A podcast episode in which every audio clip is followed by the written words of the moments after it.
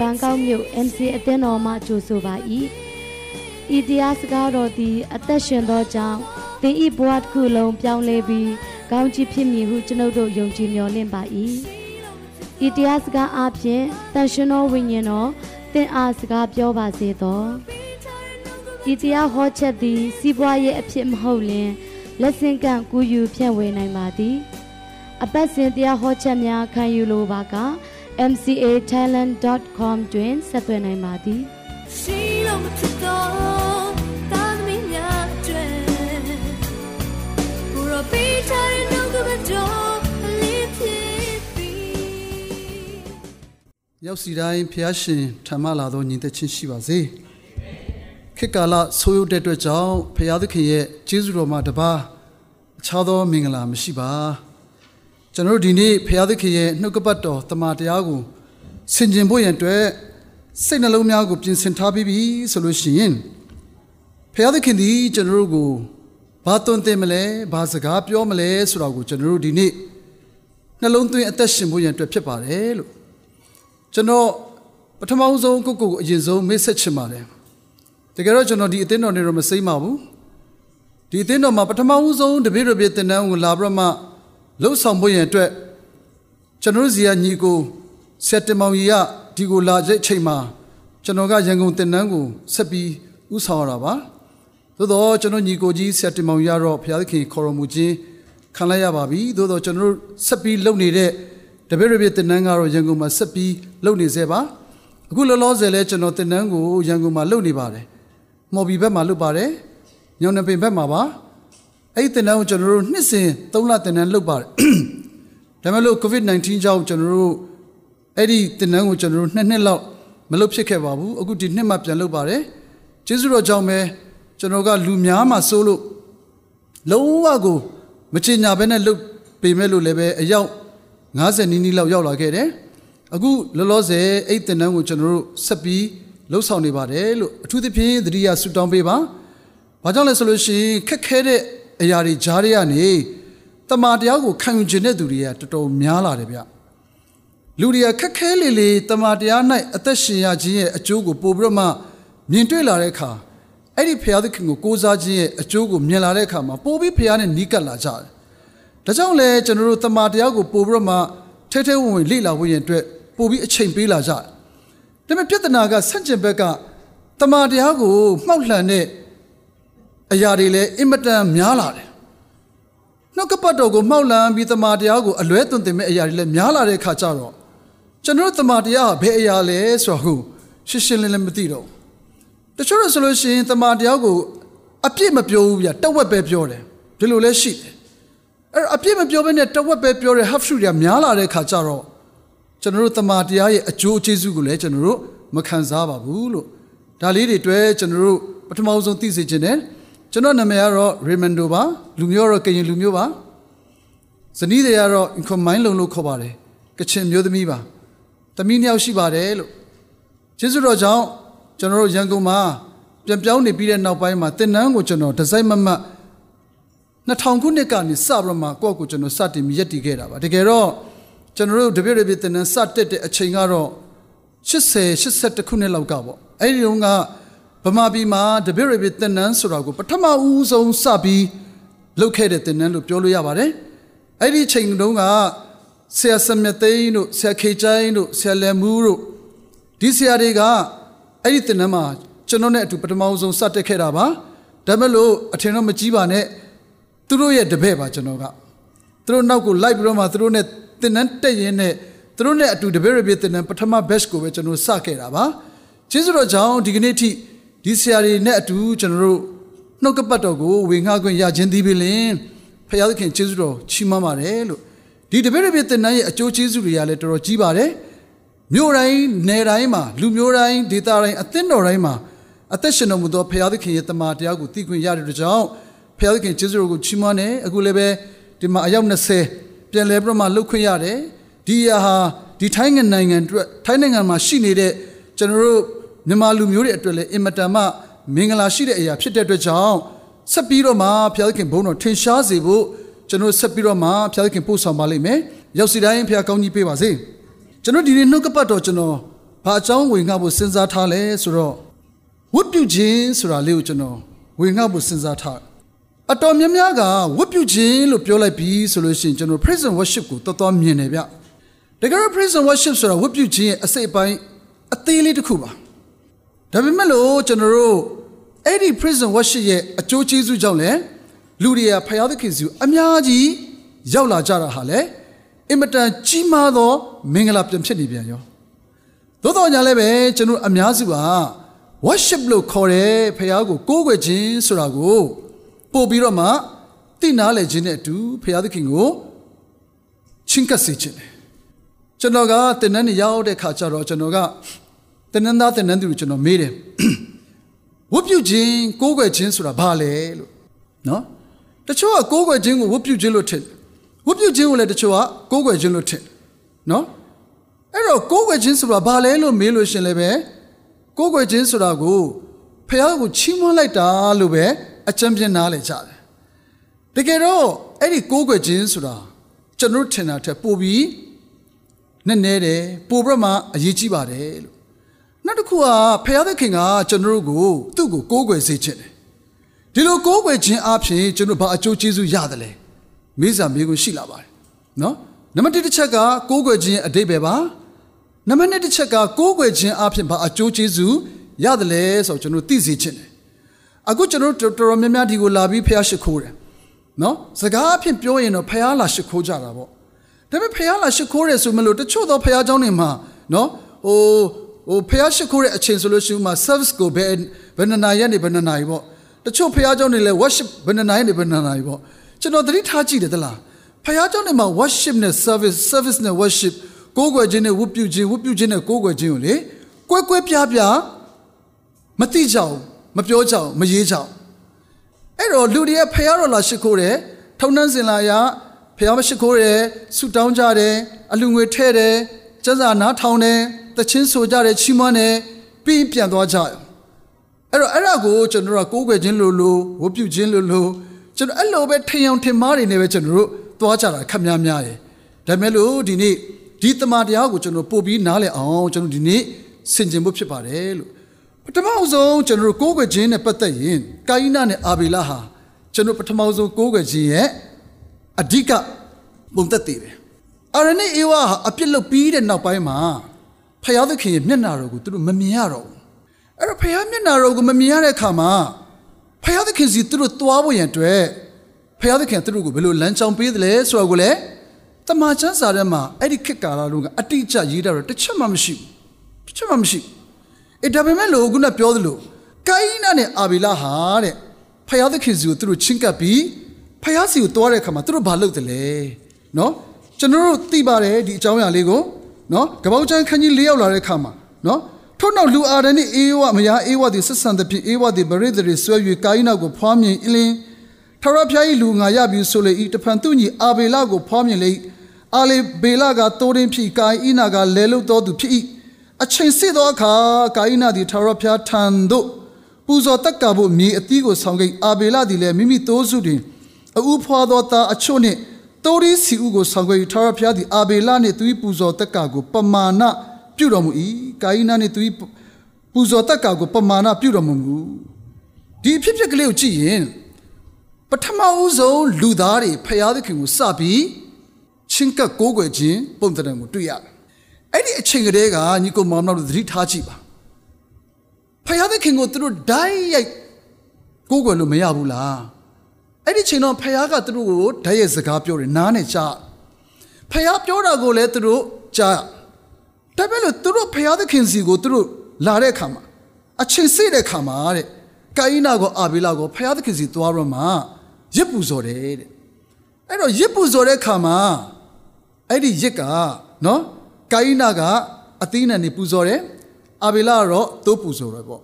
ဒီနေရာမှာကျွန်တော်ပြောချင်တာအဲ့ဒါအဓိကမကြသေးဘူးပထမဆုံးအဓိကကြတဲ့အချက်ကဘာလဲဆိုရင်သူတို့ဖျားသခင်စီချင်းကပ်တဲ့ခါမှာသူတို့ရစ်ပလင်တီးတယ်ဗျဖျားကိုကိုးကွယ်တဲ့ခါမှာအဲ့ဒီခေတ်ကာလတည်းကရစ်ပလင်ကင်းပြီး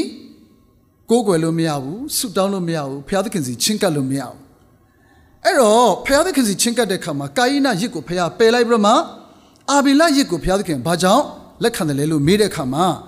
နှစ်ယောက်စလုံးကအကောင်းဆုံးသောသူတို့ရဲ့ လှုပ်အားတွေကိုသူတို့ပူဇော်တာပဲပေးတာပဲဆက်ကပ်တာပဲဒါပေမဲ့အဲ့ဓာတွေကဘုရားသခင်ရှေ့မှာနော်ဘုရားသခင်ရဲ့တတ်မှတ်ထားတဲ့လမ်းကြောင်းမဟုတ်သောကြောင့်ဘုရားသခင်ကပယ်လိုက်တယ်ဒီနေရာမှာအာဘေလလေးကသူ့ရဲ့သိုးလေးကိုပူဇော်တဲ့အခါမှာအဲ့ဒီသိုးအားဖြင့်အပြစ်လွတ်ခြင်းဒီဟုသောကျေးဇူးတော်ကိုနော်သူသိတယ်သူနားလေသူသဘောပေါက်တယ်ဒါကြောင့်သူဒီသူ့ရဲ့အကောင်းဆုံးဆိုတာထက် ဖယားသခင်အလိုတော်ရှိတဲ့သိုးလေးကိုသူပူဇော်ခြင်းအဖြစ်ဖယားသခင်ချင်းကပ်တဲ့အခါမှာသူ့ရဲ့ကိုးကွယ်မှုနဲ့သူ့ရဲ့ဆုတောင်းခြင်းကိုဖယားသခင်ဒီလက်ခံသွားတယ်ဆိုတာတွေ့ရတယ်နော်ဒါပေမဲ့လို့ကိုင်းနာကျတော့ဘာဖြစ်လို့ဖယားသခင်ကသူ့ရဲ့ပူဇော်တက်ကကိုလက်မခံလဲဒီနေရာမှာအငယ်6ကိုကျွန်တော်တစ်ချက်ကြည့်အောင်နော်ဖရဖျားကလည်းတင်းဒီအဘဲကြောင့်စိတ်ဆိုးသည်အဘဲကြောင့်မျက်နှာပြက်သည်ကောင်းမွန်စွာပြုလင်အပြစ်ဖြေရာရက်ကောင်သည်တကားနာမှာဝက်လျက်နေ၏နော် ဆရာရွတ်တန်ရဲ့ဘာသာပြန်ချက်ကိုတော့ကျွန်တော်အကြိုက်ဆုံးပဲလို့ပြောရမယ်နော်။ဘာကြောင့်လဲဆိုရှင်သူကအင်္ဂလိပ်ကနေဘာသာပြန်တာမဟုတ်ဘူးဗျ။နော်။သူက Greece တွေ Hebrew တွေရဲ့ငကိုမူရင် အတွေးစိတ်စိတ်ဥစ္စာပေါ့အတိတ်ဘယ်ကနေသူဘာသာပြန်တဲ့အတွက်ကြောင့်တချို့လူတွေကတော့ဒီကျမ်းစာကိုအင်္ဂလိပ်လိုဘာသာပြန်မှုဖတ်ပြမတမျိုးမြင်ကောင်းမြင်မှာပေါ့။ကဲထားလိုက်ပါတော့။အဲ့တော့အဲ့ဒီမှာဘယ်လိုရေးလဲ။အပြစ်ဖြေသောရစ်ကောင်ဒီတကားနာမှာဝတ်လျက်နေ၏တဲ့။ သူသည်တင့်အလိုသို့လိုက်၍တင်သည်သူ့ကိုအုပ်ဆိုးရသည်အဲ့ဒါကဒီတိုင်းဖတ်လိုက်ရင်ပဲရှင်းတယ်နော်ဒီတိုင်းဖတ်လိုက်ရင်ပဲရှင်းအပြစ်ဖြေသောရစ်ကောင်တဲ့နော်အပြစ်ဖြေသောရစ်ကောင်တနည်းအားဖြင့်ပြောရမယ်ဆိုရင်ဖယားသခင်စီချင်းကပ်တဲ့ခါမှာအဓိကအကျဆုံးကဖယားသခင်နီလန်းအဲ့ဖယားသခင်နီလန်းကငါသည်တန်ရှင်းတော်မူသည်ဤသူတင်တို့လည်းတန်ရှင်းခြင်းရှိကြလို့လို့ကျမ်းစာလာသည့်တိုင် လူသည်ဖယားသခင်စီချင်းကပ်ကိုးကွယ်ဝုပြုဖို့ရန်အတွက်တန့်ရှင်းခြင်းကိုဘုရားသခင်သည်အပြစ်ဖြေရရစ်အားဖြင့်တောင်းတယ်ဆိုတွေ့ရတယ်။ဒါကြောင့်ကိုးကွယ်ခြင်းမှာနှစ်ပိုင်းရှိပါတယ်။နှစ်ပိုင်းရှိပါတယ်။နံပါတ်1တစ်ပိုင်းကရစ်ပလင်ဖြစ်တယ်။နံပါတ်2ကရစ်ကောင်ဖြစ်တယ်။နော်။အဲ့တော့အခုကျွန်တော်ဒီအကြောင်းအရာလေးကိုကျွန်တော်အကျယ်မချဲ့တော့ဘူး။အာဗြဟံသည်ဖယားသခင်စီကနေသူထွက်လာတဲ့ခါမှာဖယားသခင်ကိုသူနော် အမြဲတမ်းရစ်ပလင်တီးပြီးကိုးကွယ်တယ်နော်။အခန်းကြီးစနစ်ကပောက်ကျန်းခန်းကြီးစနစ်အငယ်ကျွန်တော်တို့ခုနှစ်ကနေဖိုင်ထာဝရဘုရားသည်အာဗြဟံအားထင်ရှား၍ဤပြည်ကိုသင်အမျိုးနွယ်အားငါပေးမိဟုမိန့်တော်မူ၏ထို့သောထင်ရှားသောထာဝရဘုရားအဖို့ထိုအရက်၌ရစ်ပလင်ကိုတည်လေ၏ညီကိုမောင်မတို့ရစ်ပလင်ရဲ့ပြရုပ်သည်ကိုးကွယ်ခြင်းပါနော်ပြီးတော့မှထိုရက်မှသွားပြန်၍ဘေတလမြို့အရှိ၌ရှိသောတောင်သို့ပြောင်းသဖြင့် ဘေတလမြို့အရှိအာဣမြို့အနောက်ဆက်ကြားမှာတဲကိုဆောက်ပြီးထာဝရဘုရားဖို့ရစ်ပလင်တီးပြီးလင်ထာဝရဘုရား၏နာမတော်ကိုပထနာပြု၏အဲ့ဒီအချက်တွေအားလုံးကိုကြည့်ရင်နော်ဖယားသခင်ကိုဒီတိုင်း blind ကြီးအတလွတ်ကြီးဘာမှမပါဘဲနဲ့ဆူတောင်းကိုးကွယ်တာမလုပ်ဘူးရစ်ပလင်တီးတယ်ဒါသိရေးကြည့်တယ်ရစ်ပလင်တီးတယ်ဒါကြောင့်ရစ်ပလင်သည်ကိုးကွယ်ခြင်းဆူတောင်းခြင်းအတွက်အင်မတန်အရေးကြီးတဲ့အချက်ဆိုတော့နားလဲပါ ဒီတော့အဲ့ဒီရစ်ပလင်ဆိုတာဘာလဲဒီနေ့ကျွန်တော်နည်းနည်းလေးအချက်အလက်လေးနဲ့စဉ်းစားဖို့ဖြစ်ပါတယ်လို့အကယ်၍ကျွန်တော်ဘုရားသခင်ကိုကိုးကွယ်မယ်ဆိုလို့ရှင်လည်းပဲအကယ်၍ကျွန်တော်ဘုရားကိုဆုတောင်းမယ်ဆိုလို့ရှင်လည်းပဲကျွန်တော်ဒီဘုရားသခင်ရှေ့မှာရစ်ပလင်တီးဖို့လိုပါတယ်အဲ့ဒီရစ်ပလင်ကတော့ကျွန်တော်ရဲ့အတွင်းနှလုံးသားထဲမှာဘုရားသခင်လိုချင်တဲ့အရေးအချင်းတွေဖြစ်တယ်အဲ့ဒီအရေးချင်းတွေကိုကျွန်တော်ဒီနေ့စပြီးပြောပါမယ်နံပါတ်1တစ်ချက်ကပါလဲဆိုလို့ရှိရင် ဘုရားသခင်စီကိုချင်းကပ်တဲ့အခါမှာအရေးအကြီးဆုံးနံပါတ်1တစ်ချက်ကဟေဘရဲ7:6ယုံကြည်ခြင်းဖြစ်တယ်ဖျားသခင်ကကျွန်တော်တို့ကိုဗာပြောတယ်လဲဆိုတော့နော်တမန်ကျမ်းစာအဖြစ်ယုံကြည်ခြင်းမရှိရင်ဖျားသခင်စိတ်တော်နဲ့မတွေ့နိုင်အကြောင်းမူကားဖျားသခင်အထံတော်သို့ချင်းကပ်တော်သူသည်ဖျားသခင်ရှိတော်မူသည်ကို၎င်းကိုရောကိုရှာတော်သူအားအကျိုးကိုပေးတော်မူသူ၎င်းယုံရမည်ကျွန်တော်တို့ ဒီနေ့ဆုတောင်းတဲ့အခါမှာတော့၎င်းကိုးကွယ်တဲ့အခါမှာတော့၎င်းကျွန်တော်ရဲ့အာယုန်ဒီဘယ်ရောက်တယ်လဲဆိုတော့ကျွန်တော်အရင်ဆုံးမေးခွန်းမေးကြည့်အောင်ကျွန်တော်တင်တန်းနေရောက်တဲ့ခါမှာကျွန်တော်မေးဖြစ်တယ်ဗျညီကိုမောင်မတို့ဆွတောင်းတဲ့ခါမှာနော်ကျွန်တော်တို့တခါတလေမျက်စိဖွင့်ကြည့်တဲ့သူရှိဘူးလားလို့မေးတဲ့ခါဒီမှာတော့ကျွန်တော်မပြောတော့ပါဘူးရှိတယ်တဲ့လက်ထောင်ကြတယ်ကျွန်တော်တို့သဘောကျဒါဆိုတော့တေးကြပြီလို့ခင်ဗျားတို့ဖယားသခင်စီတော့မရောက်တာတေးကြပြီလို့နောက်တစ်ခါဆွတောင်းတဲ့ခါမှာလေအထူးသဖြင့် ဆရာကရှေ့ရနေဥဆောင်ပြီးတော့မှတောင်းတဲ့အချိန်နောက်ကနေလိုက်တောင်းတဲ့သူတွေကလေနော်အမြဲတမ်းဆုတာတောင်းတာသူတို့အာယုန်တွေကအထဲမှာမရှိအဲ့တော့ဆုတောင်းတဲ့အခါမှာစိတ်ကဟိုရောက်ဒီရောက်ဟိုစဉ်းစားဒီစဉ်းစားဟိုတွေးဒီတွေးရှိလားဆိုရှိတယ်တဲ့ဗျအဲနည်းနည်းလေးရာခိုင်နှုန်းများလာတယ်ဟလားရာခိုင်နှုန်းနည်းများလာမျက်စိဖွင့်ကြည့်တဲ့သူထက်နောက်တစ်ခါနော်အဲ့လိုမျိုးဆွတောင်းရင်းနဲ့ခင်ဗျားတို့အိတ်ငိုက်ပြီးအိတ်ပျော်ဘူးလားဆိုအိတ်ပျော်ဘူးတယ်အိတ်ငိုက်ဘူးတယ်တဲ့ တခါလေကြားလို့ရှိရင်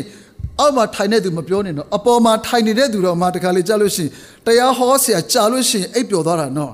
ကျွန်တော်မြို့ဝကျွန်းပေါ်ဒေသတွေမှာဆိုလို့ရှိရင်ကျွန်တော်အမြဲတမ်းသတိထားမိတယ်နော်အထူးသဖြင့်ကရင်နှစ်ချင်းတင်းတော်တွေမှာဆိုလေတခါရဲဆရာကစပြီးဆူတောင်းတာနဲ့တခါရဲလက်အုပ်ချီပြီးမှဖယားသခင်တခါရဲပထနာစပြုပြီးဆိုတာနဲ့အောက်ကလူတွေကတခါလက်ကိုတင်းပြီးအဲ ဒီမှာတော့ခုန်တင်လို့မရလို့ခုန်တင်လို့ရရင်တင်မဲ့သူတွေရှိသေးတယ်တခါရဲကိုဆရာဆုတောင်းတာပြီးတဲ့ထီကိုအိတ်တာဗျာအာမင်ခေါ်တဲ့ခါကျမှလန်းလန်းဆန်းဆန်းဖြစ်သွားတယ်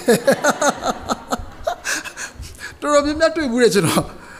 အဲ့တော့သူတို့တေးကြတယ်နော်တေးကြတယ်ဘယ်တော့မှဖျားသခင်စီမရောက်ဘူးဘယ်တော့မှမရောက်ဘူးအဲ့တော့ကိုးကွယ်ခြင်းဆုတောင်းခြင်းဆိုတာလေတခါလေကြလို့ရှိရင်ကျွန်တော်တို့ဖျားသခင်စီရောက်ရဲ့လားလို့မေးခွန်းမေးစာရှိ ကျွန်တော်အသင်းတော်ပါနော်ကျွန်တော်အသင်းတော်ကျွန်တော်ရောက်သွားကျွန်တော်အသင်းတော်ဆိုတာကကျွန်တော်နာမည်တော့မပြောတော့ရောက်သွားပြီးကျွန်တော်တရားဟောခွင့်ပေးတော့ကျွန်တော်တရားဟောကျွန်တော်တင်းတော်မှာလည်းထုံးစံတိုင်း prison worship လေးတွေရှိတယ်ဗျနော်ရှိတယ်အဲ့တော့သူတို့ရှိမှရှိတဲ့ညီကိုညီမလေးတွေကဥဆောင်ကြတာပေါ့ဒါ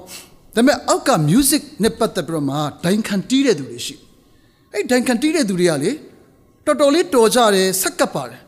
ဒါပေမဲ့လေ praise and worship ကျွန်တော်ကျွန်တော်ဖခင်เจ้าရဲ့ပုံစံအနေနဲ့တစ်မျိုးပြအခုလိုမျိုးဆက်ပြီးဆက်ပြီးတော့တစ်ချိန်လုံးတချင်းဆိုတဲ့သူတွေတက်တက်ခံတဲ့သူတွေပြန်ပြီးချီးမွမ်းတာရှိတော့ praise and worship တီးခတ်တဲ့သူတွေလေထလို့မရအောင်ဟိုမှာအဲ့လိုမဟုတ်ဘူးသူက praise and worship ပြီးပြီးဆိုတာနဲ့ဘာမှမလာတော့မလာတော့အကယ်၍များအလူငွေခံပြီးဆိုလို့ရှိရင်တရားဟောပြီးကောင်းကြီးပေးတာပဲကြံတော့တယ်အဲ့ခါဆိုလို့ရှိရင်တချို့ဖခင်เจ้าလာတက်တဲ့သူကလေကြည်နေတယ်အလူငွေထည့်ဖို့ဆိုလို့ရှိရင်ထည့်ပြီးဆိုနေလစ်သွားပြီးမရှိတော့ အေးအေး praise praise and worship နော်အဲ့ဒီတီးခတ်တဲ့သူတွေလည်းအဲ့တိုင်းပဲဗျနော်သူတို့ထိုင်ပြီးတော့မှတီးပြီးတယ်ခတ်ပြီးတယ်ပြီးသွားပြီလားဆိုလို့ရှိရင်တရားဟောခြင်းရောက်ခြင်းတရားမှမတွေ့တော့ပျောက်ကုန်တာဟာဘယ်လိုဖြစ်တာလဲလို့အကျွန်တော်နည်းနည်းသဘောပေါက်သွားပြီတချို့လူတွေက praise and worship ကအင်မတန်အရေးကြီးတယ်အင်မတန်မှငါတို့ကဖခင်သခင်ရှေ့ဦးဆောင်ပြီးပို့ပေးတာအဲ့ဒါကအရေးကြီးဆုံးပဲကျန်တာဘာမှ အရေးမကြီးဘူးဟဲ့တချို့အဲ့လိုမြင်တာဗျတက်လားမြင်တဲ့ခါကျတော့ဘာဖြစ်သွားလဲဆိုတော့အဲ့ဒါပြီးသွားလို့ရှင်လေသူတို့မရှိတော့ဘူးနှုတ်ကပတ်တော်လဲသူတို့နားမထောင်တော့ဘူး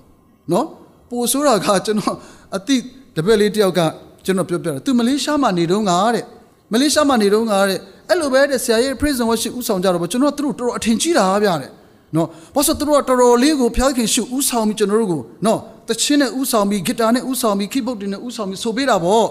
ဒါမဲ့လို့တဲ့ပြီးလေပြီးတော့ဗျာတဲ့သူတို့ဟိုးအခန်းထဲမှာဖဲရိုက်နေကြတာတဲ့အဲ့ဒါကြောတော့ကျွန်တော်တော်တော်အော်သွားတာဒီလိုပြောတဲ့အခါမှာ praise and worship လုပ်တဲ့သူတွေကိုကျွန်တော်ကအားလုံးဆိုလိုတာတော့မဟုတ်ဘူးเนาะကျွန်တော်တို့ရဲ့တချို့သောသူတွေကလေတီးတယ်ဆိုတယ်ဆိုပေမဲ့လို့ဘောနေငယ်မဖြစ်တဲ့သူတွေเนาะ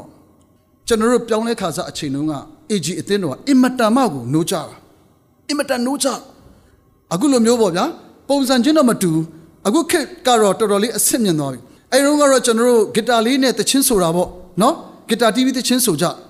အဲ့လိုသချင်းဆိုရင်းဆိုရင်းနဲ့လေအထူးသဖြင့် AG Church မှာဆိုလို့ရှိရင်ကျွန်တော်သိတဲ့အတိုင်းပဲချီးမွမ်းခြင်းသချင်းတွေအများကြီးဆိုတာဟုတ်ဆိုတဲ့ခါကျတော့ဆိုရင်းဆိုရင်းနဲ့လေဘလောက်ကြောက်စရာကောင်းလဲသိလားပြောပြအောင်မယ်တခါလေးကိုနှဆိုးဝင်ပြီးတော့မှလေပင်ကလေတခါလေးကိုမပြန်ပြီးတော့မှဟလာမထူနိုင်တဲ့လူတွေရှိတယ်တဲ့ဗျာ အဲ့ဒါဘယ်သူပြောပြလဲသိလားဆရာတင်မောင်ကြီးဗျာသူကိုယ်တိုင်ဖြစ်တာတဲ့ဟာကျွန်တော်တော်တော်အော်သွားတယ်ဒါပေမဲ့အဲ့တုန်းကဆရာတင်မောင်ကြီးကမပြောင်းလဲသေးပါဘူးလို့နော်ဒီမှာလာတဲ့ဆရာတင်မောင်ကြီးကတော့ဆရာကြီးဖြစ်သွားပြီအဲ့တုန်းက तू ကပြန်ပြောပြတယ်တက်တေခံကျွန်တော်ဗျာတဲ့ခေါင်းကဒီလိုစိုက်နေတာတဲ့ဖះကိုလည်းချီးမွမ်းနေနော်တခါရအကြည့်ကျဆူတောင်းနေနော် other tongues တွေဘာလဲပြောတာပေါ့ဗျာပြောတာပေါ့ပြောရင်ပြောရင်လည်းခါရခေါင်းကစိုက်သွားတာတဲ့ နောက်ဆုံးဆရာကြီးဦးမျိုးချစ်ကဟိုးအပေါ်နေဆင်းလာပြီးသူ့ဆူတောင်းပြီးပြန်ထူပေးရတယ်အဲ့တော့ဘာဖြစ်လို့ဒီလိုဖြစ်တာလဲလို့ပြောတော့နော်ဖះမှမသိအထဲထဲမှာခရစ်တော်မှမရှိပြောင်းမှမပြောင်းလဲပဲအဲ့တော့ဒီလိုမျိုးအခြေအနေမျိုးတွေကဘာကြောင့်ဖြစ်ရတယ်လဲလို့မေးရင်နော်ကျွန်တော်အသက်တာထဲမှာဖះကိုမှန်မှန်ကန်ကန်ကိုးကွယ်ခြင်းဝတ်ပြုခြင်းဆိုတာကိုနားမလည်တဲ့အတွက်ကြောင့်ဖြစ်တယ် အဲ့တော့ကျွန်တော်ဒီဖျားသခင်ကိုကိုးကွယ်တဲ့အခါမှာဖျားသခင်ကိုကျွန်တော်ဘယ်လိုအာရုံပြုမလဲကျွန်တော်တခါတော့ဒီမှာပြောပူပါတယ်ပြောပူပါတယ်ရေစီကြီးလအခန်းကြီး1အငယ်26ကနေ28ကိုပြန်ဖတ်ပါတကယ်လို့ဖျားသခင်ကိုကျွန်တော်အာရုံပြုမယ်ဆိုလို့ရှိရင်ဒီအချက်ကသိပြီးအရေးကြီးပါတယ်မယုံကြည်သူတွေကလေဖျားသခင်ကိုအာရုံပြုတဲ့အခါမှာသူတို့ရဲ့ဖျားစဉ်ရှေ့မှာအင်မတန်မှယိုယိုကြိုးကြိုးနဲ့နော်သူတို့ရဲ့ရုပ်ပွားတော်ကိုသူတို့အာရုံပြုပါတယ်ဒီကနေ့ကျွန်တော်ယုံကြည်သူတွေကဘာဖြစ်လို့ မျက်စိဖွင့်ပြီးတောင်ကြည့်မြောက်ကြည့်ကြည့်ရတယ်လဲဘာဖြစ်လို့ကျွန်တော်တို့ဒီ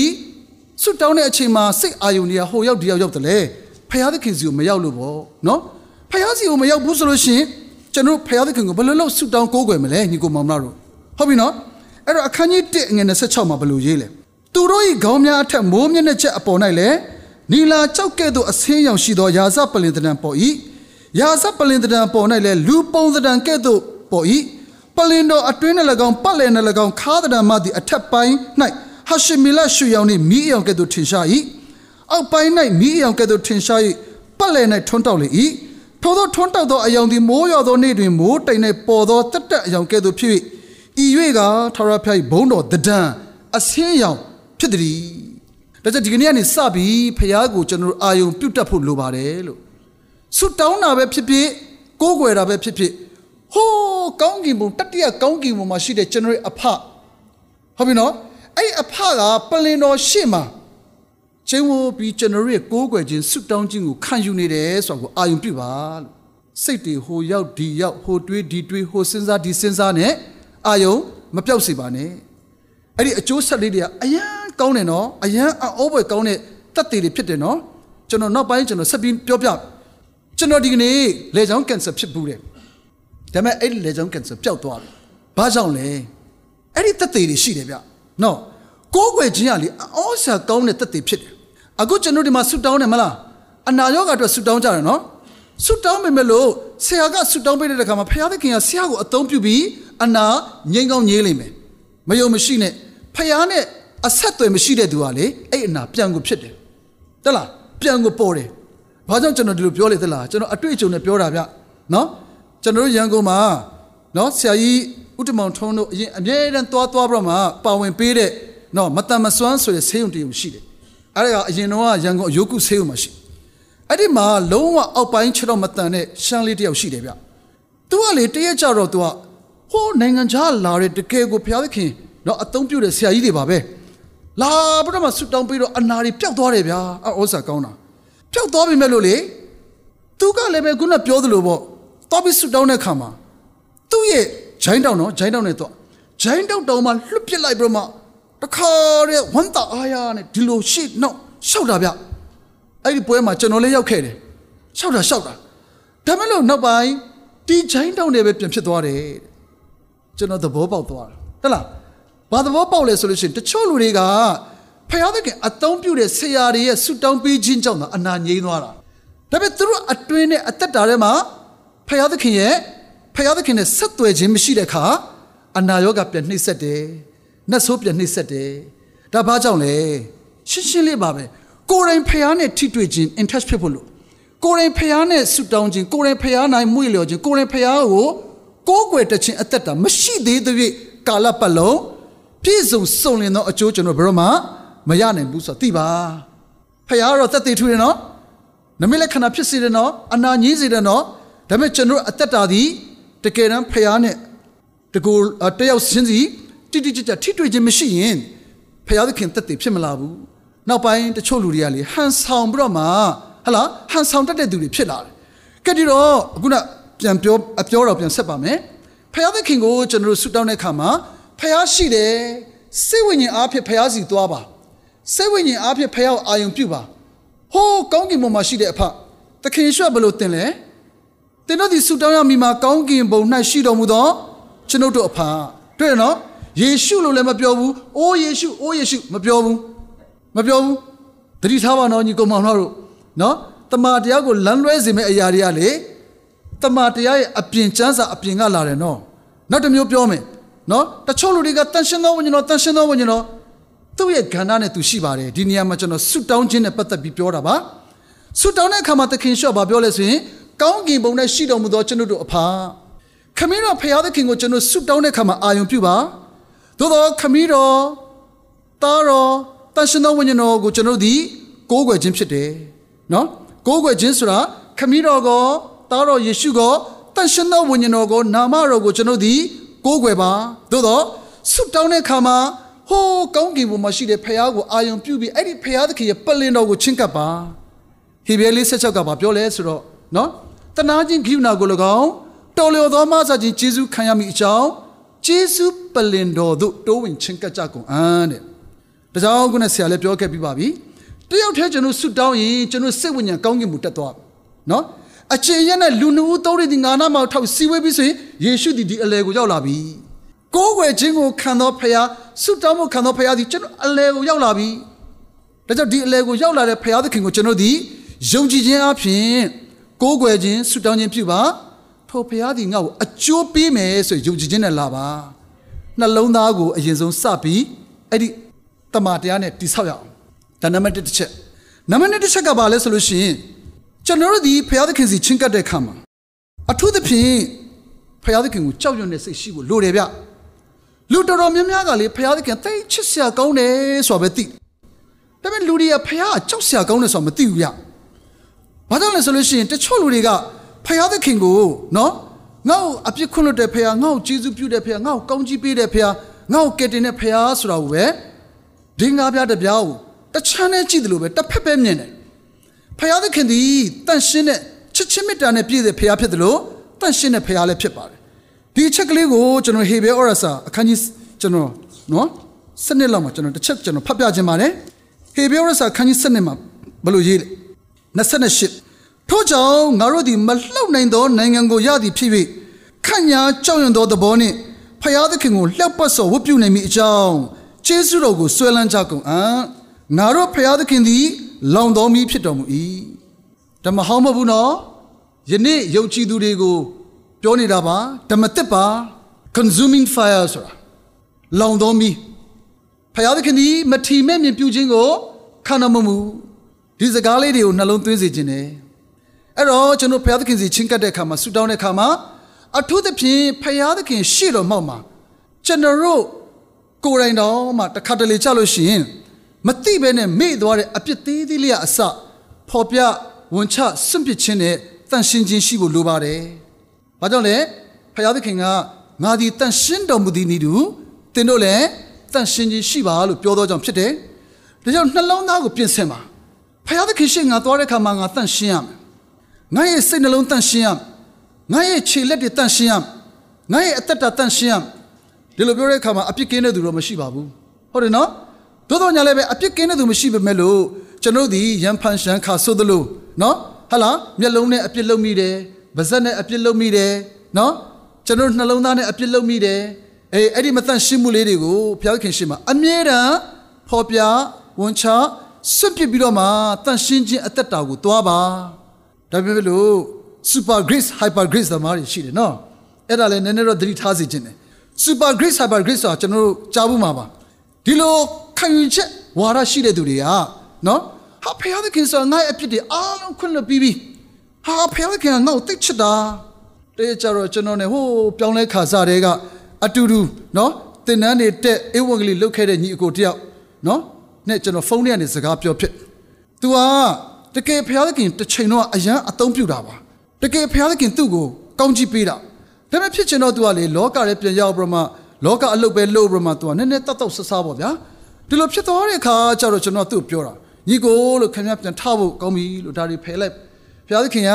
ချစ်ချင်းမြတ်တာတော့ဟုတ်တယ်လို့ဒါပေမဲ့ဘုရားသခင်ဒီမတန့်ရှင်းတာတွေကိုမကြိုက်ဘူးလို့ပြောတော့သူကဘာပြောလဲဟာညီကိုတဲ့ဘုရားသခင်ကျွန်တော်သိချစ်တာဗျခင်ဗျာကျွန်တော်လာပြီးမဖြတ်စည်းနေတယ်အာ အဲ့ကျွန်တော်စဉ်းစားကြည့်နော်တကယ်တော့ तू ကလေခုနပြောသလိုပေါ့ hyper grace super grace ကြိုက်သွားတာဗျနော်တရက်ကျတော့အဲ့ဒါဘာကြောင့်ကြိုက်သွားလဲဆိုတော့ကျွန်တော်နောက်မှသဘောပေါက်နော်ဘာကြောင့်ကြိုက်သွားလဲဆိုတော့ကျွန်တော်စင်ကာပူကနေလာတယ်နော်ဟိုဆရာဥစ္စာအဖွဲတစ်ဖွဲရှိတယ်ဗျနော်အဲ့ဒီအဖွဲတစ်ဖွဲကကျန်းစာလာလဲဝေလဲဝေငှရောအဲ့ကျန်းစာလာဝေငှတဲ့ချိန်မှာသူကအဲ့စင်ကာပူရန်နေဆိုတော့အဲ့ဒီဆရာကအင်္ဂလိပ်လိုဘာသာပြန်ပေးရ ဘာသာပြန်ပေးရင်းနဲ့အဲ့ဒီ super great hyper great ကိုသူကကြိုက်သွားတာတရုတ်တကုမလို့တော့ဘူးတဲ့တောင်းပန်စရာမလိုဘူးတဲ့ဘုရားသခင်အားလုံးလွတ်ပြီးပြီတဲ့တယောတကိုဆိုတာတဲ့တကယ်တမ်းပြောရမယ်ဆိုလို့ရှိရင်အာမယုံကြည်သူအတွက်တဲ့ကျွန်တော်လည်းပြန်ဖတ်ကြည့်ပါတယ်တယောတကိုညီကိုလည်းဖတ်ကြည့်ပါတယောတကိုကမယုံကြည်သူအတွက်လားနော်စဉ်းစားကြည့်လေအဲ့ဒီတယောယောဟန်ကအမှန်တိုင်းပြောအဲသူကဘာပြောလိုက်သေးလို့ဆိုတယောတကိုမှာတယောတယောမှာတဲ့ အခန်းကြီး1ကမယုံကြည်သူတဲ့အခန်းကြီး2ကနေမှယုံကြည်သူအတွက်ပြောတာတဲ့ဗျာအဲ့တော့တမန်တယောက်တည်တည်ချာချာမသိတဲ့ကောရွာတကယ်ကိုယုံသွားတာပါနော်အခုအခုတလောကျွန်တော်ဗာသတိထားမိလဲဆိုရင် online ပေါ်ကနေဟောတဲ့တရားဟောဆရာတွေကတော်တော်လေးကိုတော်ကြတယ်ဗျာနော်တော်တော်လေးကိုဟောတတ်တယ်တော်တော်လေးကိုပြောတတ်တယ်စကားလုံးတွေလည်းသုံးလုံးတတ်တယ်ကျွန်တော်တို့ကြံခဲ့ပြီကျွန်တော်ကြံခဲ့ပြီကျွန်တော်ဆိုလို့ရှိရင်ဆရာတယောက်ကဘာပဲဆရာဆရာရီမန်တို့ဆိုမြောင်းနေရောက်သွားပြီလေဟာကြိုက်လိုက်တယ်ကွာ ဘာလို့လဲဆိုလို့ရှိရင်သူတို့ဝါဒသူတို့ရဲ့တုံ့တင်မှုတွေကနော်တကယ်ကိုအစစ်သိမ့်မြင့်တဲ့ဝါဒလို့သူတို့ခံယူတာကိုဘလောက်အစစ်မြင့်တယ်လဲပြောပြမယ်နော်ဖယားသခင်ဆိုတာတဲ့ကျမ်းစာရဲ့အထဲထဲကနေဘယ်လှုပ်တဲ့ဖယားလားတဲ့ကျမ်းစာတွေကပဲမင်းတို့ဖတ်ပြီးကျမ်းစာတွေကပဲသိမင်းတို့အစစ်နှိပ်သေးတယ်တဲ့ဖယားသခင်ဆိုတာတဲ့ကျမ်းစာရဲ့အပြင်ကနေလည်းမလုံနိုင်ဘူးလားတဲ့အေးဖယားသခင်ကျမ်းစာရဲ့အပြင်ကနေလုံနိုင်တယ်ဆိုတော့မင်းတို့မသိသေးဘူးဆိုလို့ရှိရင်မင်းတို့အစစ်နှိပ်သေးတယ်တဲ့ ကဲညီကမောင်တို့ဘယ်လိုဝေးဖတ်မလဲကျမ်းစာတွေကလည်းသွားမလားကျမ်းစာအပြင်ကပြောတာလက်ခံမလားအေးဒီမှာတော့တမန်တရားအများကြီးကြားတော့ဟုတ်တာပေါ့သို့တော်ညာလည်းပဲလာပါလိမ့်မယ်အဲ့ဒီပုံကိုယ်တွေပြောမယ်နော်တိတ်တော်တယ်တိတ်ပြောတတ်တယ်စကလုံးတွေသုံးလုံးတော့လည်းအင်မတန်ကောင်းတယ်ဗျာကျွန်တော်တို့တကယ်လို့သာနားထောင်ဖြစ်သွားရင်လေတော်တော်လေးကိုကြိုက်စားသွားမယ့်ဟာတွေဒီတော့မာနကတော့အင်မတန်လဲပါတယ် လက်တလုံးချားလေးလိန်သွားတာဒီတော့ကျွန်တော်ဒီဖရာသခင်ရှေ့ရောက်တဲ့ခါမှာဝိညာဉ်ရသမကခန္ဓာစိတ်သုံးပါးစလုံးပါဖြစ်ဖို့လိုတယ်တန်ရှင်းဖို့လိုပါတယ်ဒီဒီတန်ရှင်းခြင်းအသက်တာကိုကျွန်တော်ဒီဂယုစိုက်ပါတန်ရှင်းခြင်းပါရမီမရှိရင်ငါ၏မျက်နာထရဖဲမျက်နာတော်ကိုမဖူးမမြင်ရနော်ဖယားသခင်မျက်နာတော်ကိုဖူးမြင်ခြင်းနဲ့ထိတွေ့ခြင်း ဟာယုံကြည်ခြင်းအဖြစ်ဖယားငေါ့ချစ်တယ်ဆိုတာနဲ့မရတော့ဘူးနော်ညီကိုမောင်မတို့နော်ဖယားသခင်ကျွန်တော်တို့နဲ့ထိတွေ့တယ်ဆိုတာကပ္ပဦးအာ sorry ဒီဓမ္မဟောင်းချမ်းမှာပြန်ဖတ်ကြည့်ဖယားသခင်ကလူကိုတိတ်တွေ့ခြင်းနဲ့ဖယားဒါပေမဲ့လူကိုဓာတ်ရိုက်တွေ့လို့မရဘူးနော်ရှောလမုန်ကဘာပြောလဲဆိုလို့ရှိရင်ထရဖျားသည်တဲ့မှောင်မိုက်ထဲမှာနေတော်မူ၏တဲ့တကယ်တော့ဖယားဘာလို့မှောင်မိုက်ထဲမှာနေရတယ်လဲနော် ဖယားသခင်ကိုမြင်ရင်တန့်ရှင်းတော်မူသောဖယားသခင်ကိုမြင်ရင်လူကသေမယ်မိကိုဘာမှမပါဘဲနဲ့လက်ဗလာနဲ့ကင်တယ်လို့ဖြစ်နေမှာပေါ့အဲ့တော့ဖယားသခင်ဒီတန့်ရှင်းတဲ့အတွက်ကြောင့်လူနဲ့သူထိတွေ့ဖို့ရန်အတွက်အမြဲတမ်းသူကဂျားကတ်တစ်ခုသုံးရတယ်ဥပမာဘုရားသခင်ကတောင်ပေါ်ကနေမောရှေနဲ့အတူနော်တောင်ပေါ်ကနေဣသေလလူမျိုးတွေ့တဲ့ခါမှာဣသေလလူမျိုးတွေတက်လို့မရအောင်ခြံစည်းကိုခတ်ထားတယ်ဣသေလလူမျိုးတွေကိုအဝတ်လျှော်ထားခိုင်းတယ်နော်အိမ်တော် ရှိတဲ့သူတွေလည်းအတူတူမနေခိုင်းထားဘူးအဲအဲ့လိုမျိုးလေးတွေပေါ့နော်ဟောဘုရားသခင်ကလူနဲ့တိတ်နေခြင်းတိတ်တွေ့ခြင်းတိတ်ထိတွေ့ခြင်းတဲ့ခါမှာသူကတိတ်တန့်ရှင်းလွန်းတဲ့ခါကျတော့တွေ့လို့ရအောင်သူကဘာလို့ပြန်လုပ်ရလဲတဲတော်ဆောက်ခိုင်းတယ်တဲတော်ရဲ့အတန်ရှင်းဆုံးဌာနရဲ့နော်ဗဒိညင်တစ်တာအဖုံးပေါ်မှာဘုရားသခင်ကပလင်ပြုတ်ပြီးတော့မှအစင်းစစ်ဘုရားသခင်စီချင်းကပ်ဖို့လာပထမဆုံးဆင့်ကဂျေဝရစ်ပလင်ဒုတိယကဂျေဝအင်တုံနော်ပြီးတော့မှအစင်းစင်နော် ဟလာအထဲထဲတန်ရှင်းဌာနတွေရောက်သွားတဲ့ခါမှာလည်းပဲရွှေမီးခုံတိုင်မှာနော်ရစ်ပရိုကအဲ့ဒီရွှေမီးခုံတိုင်ကိုသူပြင်ဆင်ရတယ်ရှေ့တော်မုံလဲပြီးမှနောက်ဆုံးအဲ့ဒီ၄တောင်ဟလာစတူဒန်၄တောင်ရွှေရစ်ပလင်ပေါ်မှာနန့်တာပေါင်းမီရှိုးလိုက်တဲ့ခါချမှာအဲ့ဒီကလကနော်လေးလက်မလောက်ထူတဲ့ကလကလက်တဝါလောက်ထူတဲ့ကလကရဲ့အတွင်းထဲမှာရှိတဲ့ဖယားသခင်နဲ့သူကထိတွေ့လို့ရသွားတာဒါတော့မှဓာတ်ရိုက်မဟုတ်ဘူးကလကချားနေသေးတယ်တက်လား ဒါပေမဲ့ဖယားသခင်ကောင်းမြတ်တယ်ဗျနော်ဘလောက်ပဲချားနေပါစေဣသေလလူမျိုးကောင်းကြီးပေးခြင်းသောကြောင့်သူကလေသူ့စီကိုအနီးဆုံးလာဖို့ရန်အတွက်သူကလွတ်ပေးတာကဲဒါဆိုရင်ကျွန်တော်တို့ကိုဘုရားသခင်ချစ်တာမှန်တာပေါ့သို့တော်ညာလည်းဘုရားသခင်ကျွန်တော်တို့ကိုချစ်ပေမလို့ကျွန်တော်မတန့်ရှင်းမှုဆိုရင်ဘုရားစီနီးကပ်စွာချင်းကပ်လို့မရဘူးဆိုတော့သိပါဒါကြောင့်ဘုရားသခင်စီသွားတဲ့အခါမှာတန့်ရှင်းစင်ကြယ်တဲ့ဘုရားဖြစ်သောကြောင့်တန့်ရှင်းခြင်းနဲ့အတူဘုရားကိုကြောက်ရွံ့တဲ့စိတ်နှလုံးနဲ့လာပါလို့ကျွန်တော် သတိပေးခြင်းတယ်အဆိုးဆုံးကိစ္စကတော့ပွဲတော်ပွဲတော်မင်္ဂလာစားပြီဆိုလို့ရှိရင်တော့အပြည့်ရှိပြီးစားလို့မရပါဘူးဖြားလာတတ်တယ်နာလာတတ်တယ်နောက်ဆုံးသေတတ်တယ်တကယ်လို့ဘုရားသခင်ရှေ့မှာမိမိကိုယ်ကိုမိမိပြင်ဆင်မှမှဘုရားသခင်နဲ့ထိုက်တန်တဲ့ပွဲတော်စားရင်နော်အော်စာကောင်းတယ်နော်အနာရောဂါငြိမ့်တဲ့အထိဖခင်တက်တည်ထူတယ်အောစာကောင်းတယ်နော်ပွဲတော့စားလိုက်တာနဲ့အနာပြောက်သွားတာဒီတော့ ဖခင်သခင်ရဲ့မျက်မှောက်တော်ဆိုတာဘာလဲဒါပဲဗျအဲ့တော့ကိုးကွယ်တဲ့သူတွေကအရင်ဆုံးနှလုံးသားရစ်ပလင်ကိုအရင်ဆုံးတည်ရတက်တဲ့တစ်ချက်ကဘာလဲဆိုလို့ရှိရင်ဖခင်ကိုချစ်တဲ့စိတ်နှလုံး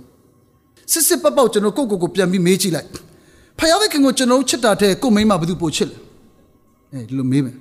ဖခင်ကိုချစ်တာတဲ့ကိုသားသမီးဘယ်လိုဘယ်သူကိုပိုချစ်လဲသိတာတယ်နော်သိတာတယ်အခုသဘောတစ်ခုက ဆရာကြီးဆရာမတွေကတော်တော်လေးကိုတင်းတင်းကြပ်ကြပ်ကိုဖုန်းတွေပိတ်ထားခိုင်းတာအလကားပိတ်ထားခိုင်းတာမဟုတ်ဘူးကျွန်တော်ကလေဖုန်းလေးတကောဝင်လာလို့ရှိရင်တစ်ခါတည်းကြပြကြရထပြီးပြောပြီးလစ်သွားရောမတွေ့တော့ဘူးနော်အမှန်တိုင်းပြောမှဆိုလို့ရှိရင်ဒီလိုတင်းတင်းကြပ်ကြပ်တားရတဲ့ကိစ္စကျွန်တော်တို့ဖျားနဲ့ပို့ပြီးနီးစေခြင်းလို့ဗျနော်ဆရာမကရှေ့ကနေမျက်နှာခတ်တင်းတင်းနဲ့ဖုန်းတွေပိတ်ထားကြပါလို့ပြောတယ်နင်တို့စိတ်ဆိုးချင်ပါဘူးဟုတ်လားဒါပဲလို့ကျွန်တော်တို့ရဲ့ဝိညာဉ်အကျိုးနော်ဝိညာဉ်အကျိုးကျွန်တော်ဒီ ပတ်ဝန်းကျင်ကိုအနှောက်အယှက်ဖြစ်တာမဖြစ်တာကျွန်တော်မပြောသေးဘူးနော်တကယ်တမ်းဒီဖုန်းတွေဟာလာကျွန်တော်တို့អော်လာပြီမိလာပြီဆိုလို့ရှိရင်ဟာကျွန်တော်အဲ့ဒါကိုကြောင်ကြည့်ပြီးထပြောတော့မှဟာအိမ်ကကလေးကဘာဖြစ်လို့ယောက်ျားကဘာဖြစ်လို့နော်အလုတ်ကအရှင်ကဘာဖြစ်လို့ဘာဖြစ်လို့ဆိုတော့ ਨੇ ဖះကိုကိုးကွယ်ခြင်းကိုကျွန်တော်ပဲလေလိလူရှုတော့မှသွားပြီလေအဲ့ဒီခါကျလို့ရှိရင်ဖះသခင်ဟာနံပါတ်1နေရာမှာမရှိတော့ဘူးဖះသခင်ဒီအချစ်ဆုံးဆိုတာမဟုတ်တော့ဘူး ဖះသခင်ပြောပြီးသားစိတ်နှလုံးအကျွင်းမဲ့ဉာဏ်ရှိသမျှအစွမ်းတတ္တိရှိသမျှနေချစ်ရမယ်ဒီတော့ကျွန်တော်ဒီဒီကနေ့ဖះသခင်ကိုချစ်တဲ့စိတ်မပါရင်နော်ဖះသခင်ရှေ့မှာအချင်းကြီးပဲဆိုတော့သိပါဖះသခင်ကျွန်တော်ရဲ့အသက်တာကိုလက်ခံမှာမဟုတ်ဘူးနော်ဒီတော့ကျွန်တော်နှလုံးသားကိုပြန်ဆန်းစစ်ကြည့်ဘယ်အရာကိုကျွန်တော်အချစ်ဆုံးလဲအဲ့တော့ဖះသခင်ကိုချစ်တယ်ဆိုတာကတကယ်တော့ကျွန်တော်အထဲထဲမှာတော့မရှိဘူးဗျဒါပေမဲ့အဲ့ဒီချစ်ချင်းမေတ္တာကျွန်တော်အထဲထဲမှာရှိလာဖို့ရန်အတွက်ဖះကကျွန်တော်တို့ကိုလုပ်ပေးပါတယ် နံပါတ်1ဘယ်လိုလုပ်ရမလဲဆိုရင်ဒီဖះချစ်ချင်းမေတ္တာရှိလာဖို့ရန်အတွက်ဖះသခင်ဒီကျွန်တော်အပြစ်တွေအများကြီးကိုခွန့်လွတ်တယ်ဆိုတော့များများစဉ်းစားနှလုံးသားပြင်ဆင်ခိုင်းတာနော်ဖះသခင်ဒီကျွန်တော်တို့ကိုမကောင်းတာတော့မှဂျေဇုအများကြီးပြုတော်များများစဉ်းစားအဲ့ဒါဒီဂျေဇုနဲ့ဂယုဏပဲအခုလူတော်များများကလေတည်သွားမှတည်သွားမှနော် ရက်တောင်လေးမှာဂျေဇုနဲ့ဂယုဏတော်ကိုတစ်သက်လုံးခံစား၍ထာဝရဘုရားအိမ်တော်မှာအစင်မဲနေရပါလိမ့်မည်။သေသေသေမှပဲရေးတာနော်အသက်ရှင်တုံးတော့မခံစားသလိုလိုပါလို့လို့အမှအသက်ရှင်တုံးပေးတာဗျ။သေမှပေးတာမဟုတ်ဘူး။အဲ့တော့ရက်တောင်ဒီမှာပဲမရေးထားကြနဲ့ဟုတ်လား။ဂျေဇုနဲ့ဂယုဏဆိုတာပါလဲ။ဂျေဇုဆိုတာလုံးဝကိုမထိုက်တန်ဘူးနော်လုံးဝကိုမပေးသင့်ပေမဲ့ကျွန်တော်တို့ကိုဘုရားကောင်းကြီးပေးတာကိုကျေးဇူးတော်လို့ခေါ်တယ်ဥမာထာဝရသက် မထိုက်တန်ဘူးမပေးသင့်ဘူးဒါပေမဲ့ရဂယုဏဂယုဏဆိုတာကအပြစ်စီရင်ခြင်းကိုခံထိုက်ပါရဲ့သားနဲ့ကျွန်တော်ဒီဘုရားသခင်ရှေ့မှာအပြစ်ကြောင့်စီရင်ခြင်းဆုံးမခြင်းခံထိုက်ပါရဲ့သားနဲ့ဘုရားသခင်ဒီမစီရင်အပြစ်မပေးတာကိုဂယုဏလို့ခေါ်တယ်ဒါကြောင့်ကျေးဇူးနဲ့ဂယုဏတို့ကိုတစ်သလုံးခံစားဖို့ဆိုတာကကျွန်တော်ကိုဘုရားသခင်ပြုတဲ့ကျေးဇူးနဲ့ဂရုဏာကိုနေ့စဉ်စဉ်းစားပါအဲ့ဒီခါဘုရားသခင်မေတ္တာလေးကျွန်တော်ထဲမှာစီးဝင်လာလိမ့်မယ် တက်လားအဲ့ဒါပထမတစ်ချက်ဒုတိယတစ်ချက်ကမေတ္တာကျွန်တော်အထက်ထဲမှာရှိလာဖို့ရန်အတွက်ကျွန်တော်ဘာလုပ်ရမလဲဆိုလို့ရှိရင်ဖခင်ရဲ့ကျေးဇူးတော်ကိုချီးမွမ်းပါအရာရာ၌ချီးမွမ်းပါဆိုတာအင်မတန်မှအရေးကြီးပါတယ်နော်ကျွန်တော်တို့က prison worship လေးမှာပဲချီးမွမ်းပြီးအိမ်ရောက်ရင်တော့မချီးမွမ်းနိုင်မချီးမွမ်းနိုင်တာမျိုးတော့မလုပ်ပါနဲ့နော်ဥပမာလေးတစ်ခုပြောရမယ်ဆိုလို့ရှိရင်တော့ဘုရားသခင်ဒီနေ့ကိုရရှင်ပြင်ဆင်ပေးတဲ့မနက်စာအတွက်ကျေးဇူးတင်ပါတယ်။ဘာညာချီးမွမ်းတာပေါ့။ပြီးတဲ့ခါကျမှမျက်လုံးဖွင့်ကြည့်ပြီး ကိုမကြိုက်တဲ့ဟင်းကြောင့်ဟာဒီနေ့ကွာငါဟင်းမကြိုက်ဘူးကွာစစ်ပြတ်စရာကောင်းလိုက်တာ။ချစ်ချင်းကြီးတော့ချစ်ချင်းကြီးတာအဲ့တော့ကျွန်တော်ရဲ့ချီးမွမ်းခြင်းကဘယ်ရောက်သွားလဲစဉ်းစားကြည့်။ဟာဖခင်เจ้าမှာတော့ချီးမွမ်းတာပေါ့။အိမ်ပြန်ရောက်ပြီးဆိုလို့ရှိရင်ပြစ်တောင်းပြစ်တောင်းနဲ့နော်တခါတည်းဟိုဘယ်လိုပြောရမလဲကိုယ့်ရဲ့အိမ်မှာမြင်တာတွေ့တာတွေအားလုံးပြောစရာကြီးပဲဖြစ်ပြီးအဲ့ဒါတွေပဲရှောက်ပြီးအဖြစ်သားတစ်မျိုးသမီးကတစ်မျိုးယောက်ျားတစ်မျိုးနော်ဧည့်သည်ကတစ်မျိုးအမျိုးမျိုးမြင်ပြီးပါပြီလေ အဖြစ်ပြောနေမိပြီဆိုလို့ရှင်တော့ကျွန်တော်ဒီအရာရာမှာချီးမွမ်းတဲ့အရာမဖြစ်လာတချို့လူတွေကကောင်းတာလေးတွေပဲချီးမွမ်းတယ်နော်အဲ့တော့စဉ်းစားကြည့်လေတကယ်ကောင်းတာလေးတွေပဲချီးမွမ်းတယ်ဆိုတာတကယ်လူတွေရဲ့တကယ်အချင်းစရိုက်ပြနားထောင်စဉ်းစားကြည့်လေညီကောင်မောင်တို့နော်အာလိုက်ပြီးတော့မှလည်းရှာကြည့်အောင်ဆယ်တန်းဆောင်မွဲကြသွားလို့ဝက်ပေါ်ပြီးမှချီးမွမ်းတာဘယ်သူရှိလဲတယောက်မှမရှိနော်ဒါပေမဲ့ကျွန်တော်အဲ့လိုပြောပြီးမှနောက်ပိုင်းမှာတယောက်တော့ကြားဘူးတယ်ဗျအခုလူတွေက ဟာဖျားသခင်ကျေးဇူးတင်တယ်ကျမသားလေးဆယ်တန်းအောင်သွားလို့ကျမသမီးလေးဆယ်တန်းအောင်သွားလို့ဒါပေမဲ့လို့ခုနပြောသလိုနော်ဒုက္ခရောက်သွားပြီးတော့မှနော်ပြဿနာတွေ့တဲ့အချိန်မှာအများစုမချီးမွမ်းနိုင်ဘူးနော်အခုနဲ့လိုမျိုးတက်တဲ့ခံချက်တယ်ဆိုလို့ရှိရင် accident ဖြစ်တယ်နော် accident ဖြစ်တဲ့အချိန်မှာကျွန်တော်တစ်ခါလေကြောက်လို့ရှိရင်နော်တကယ်ဝิญဉ်ရမှာဘုရားသခင်ယေရှုတော်တည်လို့ရှိရင်တော့ချက်ချင်းနားလည်နေနေချီးမွမ်းနေတယ်ဒါပေမဲ့ကျွန်တော်တို့ကတခြင်းတော့ဆိုကြပါတယ်မသိရင်လည်းချီးမွမ်းမယ်နားမလည်လည်းချီးမွမ်းမယ်ဟဟလားအဲ့တခြင်းလေးတွေတော့ရှိပါတယ် ဒါပေမဲ့တကယ်တကယ်တမ်းကျွန်တော်တချို့ကိစ္စတွေမှာကျွန်တော်တို့ကလေအမှန်တိုင်းပြောရမယ်ဆိုလို့ရှိရင်ဖြစ်စကာစမှာမချေနဲ့နိုင်ဘူးမချီးမွမ်းနဲ့ကိုကဥမာဆိုကြပါစို့အကျွေးပေးလိုက်တယ်အကျွေးပြန်မဆက်ဘူးဆိုလို့ရှိရင်ဘာဖြစ်လဲငါကစေတနာစိတ်နဲ့လည်းပေးရသေးတယ်ပြန်လည်းမဆက်ဘူးအဲ့တော့အမျိုးမျိုးရေးကြတယ်အေးမင်းတို့စိတ်မဆိုးခြင်းဘူးเนาะမင်းတို့သိပြီးတော့မှဟလာသူများအလှူဒန်းလုပ်ခြင်းအကျွေးပေးကြเนาะအဲ့လိုမျိုးတော့ရေးရတယ်ဒီဖြစ်သွားတာပေါ့ဘာကြောင့်လဲဆိုချင်စိတ်ဆိုးမိတာဟုတ် ဒီတော့အရာရာမှာချီးမွမ်းတယ်ဆိုတာဘာဘူးပြောချင်တာလဲနော်အရာရာတိုင်းမှာဖခင်ယေရှုရှိတယ်ယောဘအသက်တာကြည့်ရှိလိုက်ယောဘအသက်တာဒီတကယ်တမ်းသူ့ရဲ့ဖြောက်မှတ်ခြင်းတန်ရှင်းခြင်းစံချိန်စံနှုန်းနဲ့သူတွေ့ကြည့်ပြမှာသူဖြောက်မှတ်လို့ဖခင်ကောင်းကြီးရတယ်သူဖះနဲ့မှန်လို့ကောင်းကြီးရတယ်လို့ तू စဉ်းစားရင်တော့နော်ဟလာဖះအပြစ်တင်ပြီးမှာတကယ်လည်းအပြစ်တင်ဖះခင်ကကျွန်တော်မတရားလုပ်တာဗျာတဲ့ ယ်ယောဘကြောင့်တိချက်ပြန်ဖတ်ကြည့်နော်တော်တော်စိတ်ဝင်စားဖို့ကောင်းနေဗျဖះခင်ကိုရိုနဲ့တရားတွေ့လို့ရင်ကျွန်တော်တရားတွေ့ကျင်တယ်ဗျာတဲ့အဲ့လောက်ထိပြောတာနော်ယောဘတို့များဘလောက်တော်မှဖះခင်နဲ့နော်အောစာကောင်းလောက်အောင်ယဉ်နှိမှုအပိုင်းမှာလည်းကြည်ကောင်းတယ်လို့သူ့ရဲ့စိတ်နဲ့စိတ်ထားကလည်းသူ့ရဲ့ဖြောက်မှချင်းပေါ်မှာဘလောက် stand လို့ဆရာအဲ့ဒါတွေ့ရဒါပေမဲ့ဘုရားသခင်သူ့တွင်တင်ပြီးတဲ့နောက်ပိုင်းမှာ तू ဘာနားလဲသွားလဲနော် तू ဘာနားလဲသွားအော်ဘုရားသခင်ကျွန်တော်မှားသွားပြီကိုအချမ်းစီကိုကျွန်တော်မသိလို့ အဲ့တော့ဘုရားသခင်အဲ့ဒီနောက်ပိုင်းမှာသူ့ကိုကောင်းကြီးနှစ်ဆပေးတယ်ဆိုတော့ကျွန်တော်ကကျွန်တော်အသက်တာမှာအရာရာတိုင်းမှာချီးမွမ်းမှာဆိုတာအနာဂတ်မှာဘုရားသခင်ဘာလုပ်နေသလဲဆိုတော့ကျွန်တော်တို့မသိရတော့ညာလဲပဲဖခင်သခင်ဒီကျွန်တော်တို့အကောင်းဆုံးသောအရာကိုလုပ်တယ်ဆိုတော့အမြဲတမ်းသိပါနော်ယေရမိမှာဒီတိုင်းပဲရေးတယ်ဟေရှာမှာလည်းဒီတိုင်းပဲရေးတယ်နော်ငါဒီတဲ့တင်းအကျိုးနဲ့ရှင်သောအရာကိုတွင်တင်၍တောအပ်တော်လမ်းဖြစ်ပို့ဆောင်သောဖခင်တဲ့နော် မင်းတို့ရဲ့အကျိုးရုပ်စေခြင်းကငါပြုတဲ့အရာမဟုတ်ဘူးတဲ့နော်မျော်လင့်တဲ့အကျိုးကိုရစေဖို့ပြုတဲ့အရာဖြစ်တယ်တဲ့ဒါကြောင့်နောက်ပိုင်းကျွန်တော်လေအရန်စိတ်ပုတ်ပါသွားတယ်နော်ပြဿနာတွေတွေ့တယ်အခက်အခဲတွေကြုံတယ်အမျိုးမျိုးကြုံပေမဲ့လို့လေကျွန်တော်ကဘယ်လိုနှလုံးသားနှလုံးသွင်းလဲသိလားဖျားခင်ငါ့အတွက်ဘာများအကောင်းဆုံးလုပ်ပေးမလဲမသိဘူးဘာနမိတ်လက္ခဏာပြမလဲမသိဘူးကျွန်တော်ဒီလိုနှလုံးသွင်းတဲ့အခါအော်ဆရာဖျားသခင်ကလည်းတက်တည်ထူတယ်ဗျတက်တည်ထူတယ် ဒါကြောင့်ကျွန်တော်ဒီဘယ်လိုအရာမျိုးမှမဆိုဂျေဇူးတင်တဲ့နှလုံးသားနဲ့ဖျားစီသွားပါအဲ့ဒါနံပါတ်3တစ်ချက်နော်နံပါတ်4တစ်ချက်ကနာခံခြင်းရှိဖို့လို့နော်ဖျားသခင်ကိုကျွန်တော်ချင်းကကိုးကွယ်ပြီးဆိုရင်ဖျားသခင်ကျွန်တော်စကားပြောတော့မယ်လေအခုကျွန်တော်ဖျားသခင်ကိုကိုးကွယ်ဖို့လာကြအခုတမန်တရားကိုဖျားသခင်စီကကြားရပြီကြားပြီဆိုလို့ရှိရင်ကျွန်တော်တို့ဒီဖျားသခင်ကိုယ့်ကိုတွင်တင်တာကိုပြန်သွားတာနဲ့ပါပဲလေနှလုံးသွင်းပြီးအသက်ရှင်ဖို့နာခံဖို့ရတဲ့ပြင်ဆင်ရတော့မယ် ဘာကြောင့်လဲဆိုရှင်အင်မတန်ညံကောင်းတဲ့သူတယောက်တော်မှာတရားဟောချက်တစ်ပုဒ်ကိုနားထောင်ရင်တဲ့900ခိုင်နှုန်းပဲမှတ်မိတာတဲ့ဒါတိတ်တိတ်တိတ်ညံကောင်းတဲ့သူနော်တိတ်ညံကောင်းတဲ့သူအများစုကမေ့သွားတယ်တဲ့ဟုတ်လေဟုတ်တယ်ဗျအခုကျွန်တော်တရားဟောချက်တစ်ပုဒ်နားထောင်တယ်နော်အောက်ကိုပြန်ဆင်းသွားအပြင်ကိုပြန်ရောက်သွားကြည့်အပြင်ကိုပြန်ရောက်သွားပြီဆိုလို့ရှိရင်လေကျွန်တော်လေဟိုပြောဒီပြောနဲ့မေ့သွားရောနော်မေ့သွားတယ်နော်ဟုတ်လားအဲ့တော့ကျွန်တော်ဒီဒီလိုမဖြစ်အောင်ငကိုရဲကနှလုံးသွင်းပါ နာခံခြင်းဆိုတာနော်သူကခုနပြောသလိုပေါ့နော်တည်တည်ချာချာနားထောင်တဲ့တဘာဝသမကလက်တွေ့ကျင့်သုံးတဲ့နာခံခြင်းထိ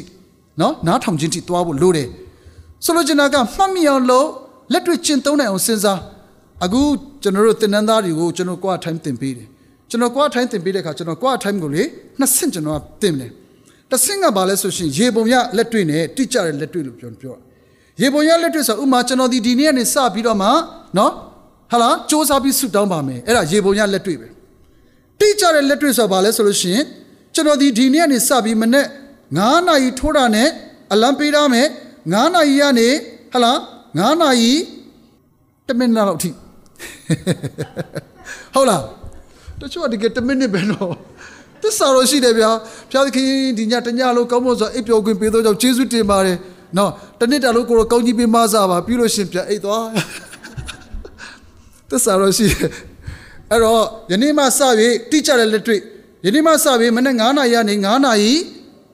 20ပေါ့15ပေါ့9နိုင်ခွဲထိပေါ့တစ္ဆာရှိရှိဆူတောင်းပါမယ်နော်နောက်အဲ့လိုမျိုးတစ္ဆာရှိဆူတောင်းတဲ့အခါမှာထပ်ပြီးကျွန်တော်ပြောချင်တာကနော်ဟိုဘယ်လိုပြောမလဲကိုချင်းစာတဲ့စိတ်နော်တကယ်ကိုစိတ်နှလုံးထဲမှာဟလာ တိတိကျကျဆူတောင်းပေးဖို့လိုတယ်ဥမာဆေးုံတက်တဲ့သူတယောက်ဆိုလို့ရှိရင်ဘုရားသခင်ဆေးုံမှာဆေးုံတက်ရတဲ့သူတွေအများကြီးရှိတယ်ကိုရောကောင်းကြီးပေးပြီးကျမ်းပါစေပါအဲ့ဒါဘုရားမကြိုက်ဘူးနော်ဘုရားသခင်မောင်ဖြူကတော့ဒီကနေ့ကင်ဆာယောဂါကြောင့်သူဆေးုံတက်နေရပါတယ်သူမနေ့ပြန်သူခွဲရတော့မယ်ကိုရောသူ့နောက်ကိုရောငြိမ်းစေပါသူ့ရဲ့နေရာကနေဝင်ခံစားပြီးနာမည်တိတိကျကျနဲ့ဆူတောင်းပေးဖို့အဲ့ဒါဒီကအထူးသဖြင့်ကျွန်တော်တို့လက်တွေ့ကျင့်သုံးတဲ့အရာတွေပေါ့ အဲ့တော့ဒီလက်တွေ့ကျင့်သုံးတဲ့အရာတွေကိုကျွန်တော်လက်တွေ့ကြကြကျင့်သုံးနိုင်ဖို့ရန်အတွက်နှလုံးသွင်းဖို့လိုတယ်ဒီလိုနှလုံးသွင်းရင်ကျွန်တော်အသက်တာလေလှုပ်ဖြစ်သွားတဲ့အတွက်ကြောင့်ဖခင်သခင်ကဒီအင်မတန်ကျေနပ်တဲ့သူဖြစ်တယ်အရောက်စီတိုင်းကိုဖခင်ချစ်တယ်ဒါပေမဲ့အရောက်စီတိုင်းကိုဖခင်သခင် favor မပေးဘူးထပ်ပြောမယ်နော်အရောက်စီတိုင်းဆိုတာကမယုံကြည်သူကိုပင်ဖခင်ချစ်တယ်ဒါပေမဲ့ဖခင်သခင်ဟာလူတိုင်းကိုမမျက်နှိုးဘူးတန်ဖိုးမထားဘူး ဒီလိုပြောမယ်ဘာကြောင့်လဲသိလားသခင်ယေရှုကယော်ဒန်မြစ်မှာဗတ္တိဇံခံပြီးပေါ်ထားတဲ့အခါမှာကောင်းကင်ကအတန်တော်ဖြစ်တယ်တဲ့ဘယ်လိုအတန်တော်လဲဤသူကငါနှစ်သက်မျက်နှိုးရငါချစ်သားပေသည်ဖခင်သခင်ဒီလူတိုင်းကိုဒီစကားမပြောဘူးဘယ်လိုလူကိုပြောလဲနော်40ခုမြောက်သောဆာလမှာပြန်ဖတ်ကြည့်သခင်ယေရှုဟာနော်ကောင်းကင်ဘုံမှာခမည်းတော်နဲ့ပြောတဲ့စကားကိုရောဟာတဲ့ရစ်နဲ့ပူဇော်တက်ကကိုအလိုတော်မရှိတဲ့အတွက်ကြောင့်တဲ့ အကျွန်ုပ်သွားပါမည်ဟုဝန်ခံပါ၏တဲ့နော်အဲ့ဒီ prophet ပြုကြရလေ40ခုမြောက်သောဆာလအဲ့သခင်ယေရှုသည်ဝန်ခံခြင်းနဲ့အတူမြေကြီးပေါ်မှာဆင်းလာတဲ့အခါမှာဗတ္တိဇံကိုယူတယ်အဲ့ဒီဗတ္တိဇံဆိုတာကခရိယန်တွေရဲ့ထောင်နှန်းစင်လာဗတ္တိဇံတသက်မဟုတ်ဘူးနော်မချခင်မှာငါဒီသိမယ်မချခင်မှာငါဒီဟိုမရဏနိုင်ငံတင်ញိုင်းနှင်းတိုင်အောင်တကြိုချင်းခံရမယ်ဒါပေမဲ့ငါဒီထမြောက်မယ်ဆိုတာကိုတင်ကူးပြမှာ တသက်ပြုခြင်းဝန်ခံခြင်းဖြစ်တယ်အဲ့တော့ဒီကားရင်ဆိုတဲ့အရာကိုနော်သွားဖို့အသေးခံဖို့ဝန်ခံခြင်းဟာဖယားသခင်ရဲ့ရှေ့တော်မှာအင်မတန်ကျင့်နှက်စရာကောင်းတဲ့နှစ်သက်စရာကောင်းတဲ့ဝန်ခံချက်ဖြစ်လာတယ်ဒါပေမဲ့တော်တော်များများသောခရိယန်တွေကလည်းအဲ့ဒီဗတ္တိဇံကိုတည်တည်ချာချာနားမလဲဘူးဒါကြောင့်ကိုဝန်ခံခဲ့တဲ့ဂတိကိုတခါမှမတည်နိုင်ကြဘူးဒါကြောင့်လည်းဖယားခင်ရှိမှဖယားခင်မျက်နှိုးတဲ့သူတွေဖြစ်မလာဘူးဒါကြောင့်ဖယားခင်မျက်နှိုးတဲ့သူတံပိုးထားတဲ့သူဖြစ်ချင်ရင် မိမိတစ္ဆာဂတိပြုခဲ့တဲ့ဗတ္တိဇံကိုနော်ဗတ္တိဇံကိုတစ်သက်လုံးဆင်ခြင်ပြီးသွားပါသခင်ယေရှုနဲ့တူသေခြင်းသခင်ယေရှုနဲ့တူအပြစ်အလုံးတကြိုခြင်းသခင်ယေရှုနဲ့တူရှင်ပြန်ထမြောက်ခြင်းဆိုရယ်အဲ့ဒီနာခံခြင်းအသက်တော်သွားရင်လေဖယားခင်ရှင်မှာအင်မတန်မျက်နှိုးစရာတန်ဖိုးထားတဲ့အသက်တာဖြစ်ပြီအဲ့နှလုံးသားနဲ့ကိုးကွယ်နောက်ဆုံးတစ်ချက်ကတော့ဗာလဲဆိုလို့ရှိရင်နော်ဖယားခင်ကိုယိုသေးလေးမြတ်ခြင်းအခုနဲ့ဟေဘဲမှာဖတ်တော့တဲ့ချက် ခန့်ညာကြောက်ရွံ့သောသဘောတဲ့အဲ့မှာခန့်ညာတယ်ဆိုတာစကားက reverend တို့သုံးတယ်ဗျဒီကနေ့လူတွေကကိုကိုကို reverend reverend လို့ပြောတယ်ဆိုတာကအမှန်တိုင်းပြောရမဆိုလို့ရှိရင်တော့အမှတ်တညာတစ်ခုပါပြညတ်တဲ့သဘောပဲเนาะကျွန်တော်ကတခါစစ်တွေရောက်သွားရောစစ်တွေရောက်သွားတော့ကျွန်တော်ကအဲ့တော့ကျွန်တော်ကအေးဝင်ကလေးစပြောနေเนาะ reverend ဆိုတဲ့စကားလုံးကိုကျွန်တော်နည်းနည်းသိနေပြီဒါပေမဲ့လေလက်မှတ်လေပေါ်မှာလိုက်လို့ရတဲ့သူတွေစင်းကိုအဲ့မှာကတ်ထားတယ်ဗျ ကတ်ထားချိလိုက်တဲ့ခါကျတော့ reverend reverend reverend ဟာအယောက်15ယောက်လောက်ရှိဟာဒီရခိုင်ပြည်နယ်စစ်တွေကလည်းနော်ဟာတင်းအောင်ဆရာကြီးတဲ့များလာ ਈ လားဗောနော်တခါတည်းကိုလက်တင်ရဆရာတဲ့များလိုက်ဘယ်ဟုတ်မလဲတည်တည်ချာချာဖတ်ကြည့်တဲ့ခါကျမှ तू ကအင်္ဂလိပ်လိုတကယ်တော့အခြားသောဘာသာဝင်တွေရဲ့ဖုန်းတော်ကြီးတွေကိုလည်းဒီလို reference နဲ့ရေးတာဗျကျွန်တော်သဘောပေါက်သွားတယ်နော် reference ဆိုတဲ့စကားလုံးကိုနားမလဲတာကိုပြောတာပါ ဒါပေမဲ့ reference ဆိုတာလေဖယားသခင်ကလွဲရင်သုံးလို့မရဘူးဗျတကယ်တမ်းပြောရမယ်ဆိုရင်လေသုံးလို့မရဘူးဘာကြောင့်လဲဆိုရှင်အဲ့ဒီ reverence ဆိုတဲ့စကားလုံးဟာ तू ကဖယားသခင်ကိုကျွန်တော်တို့က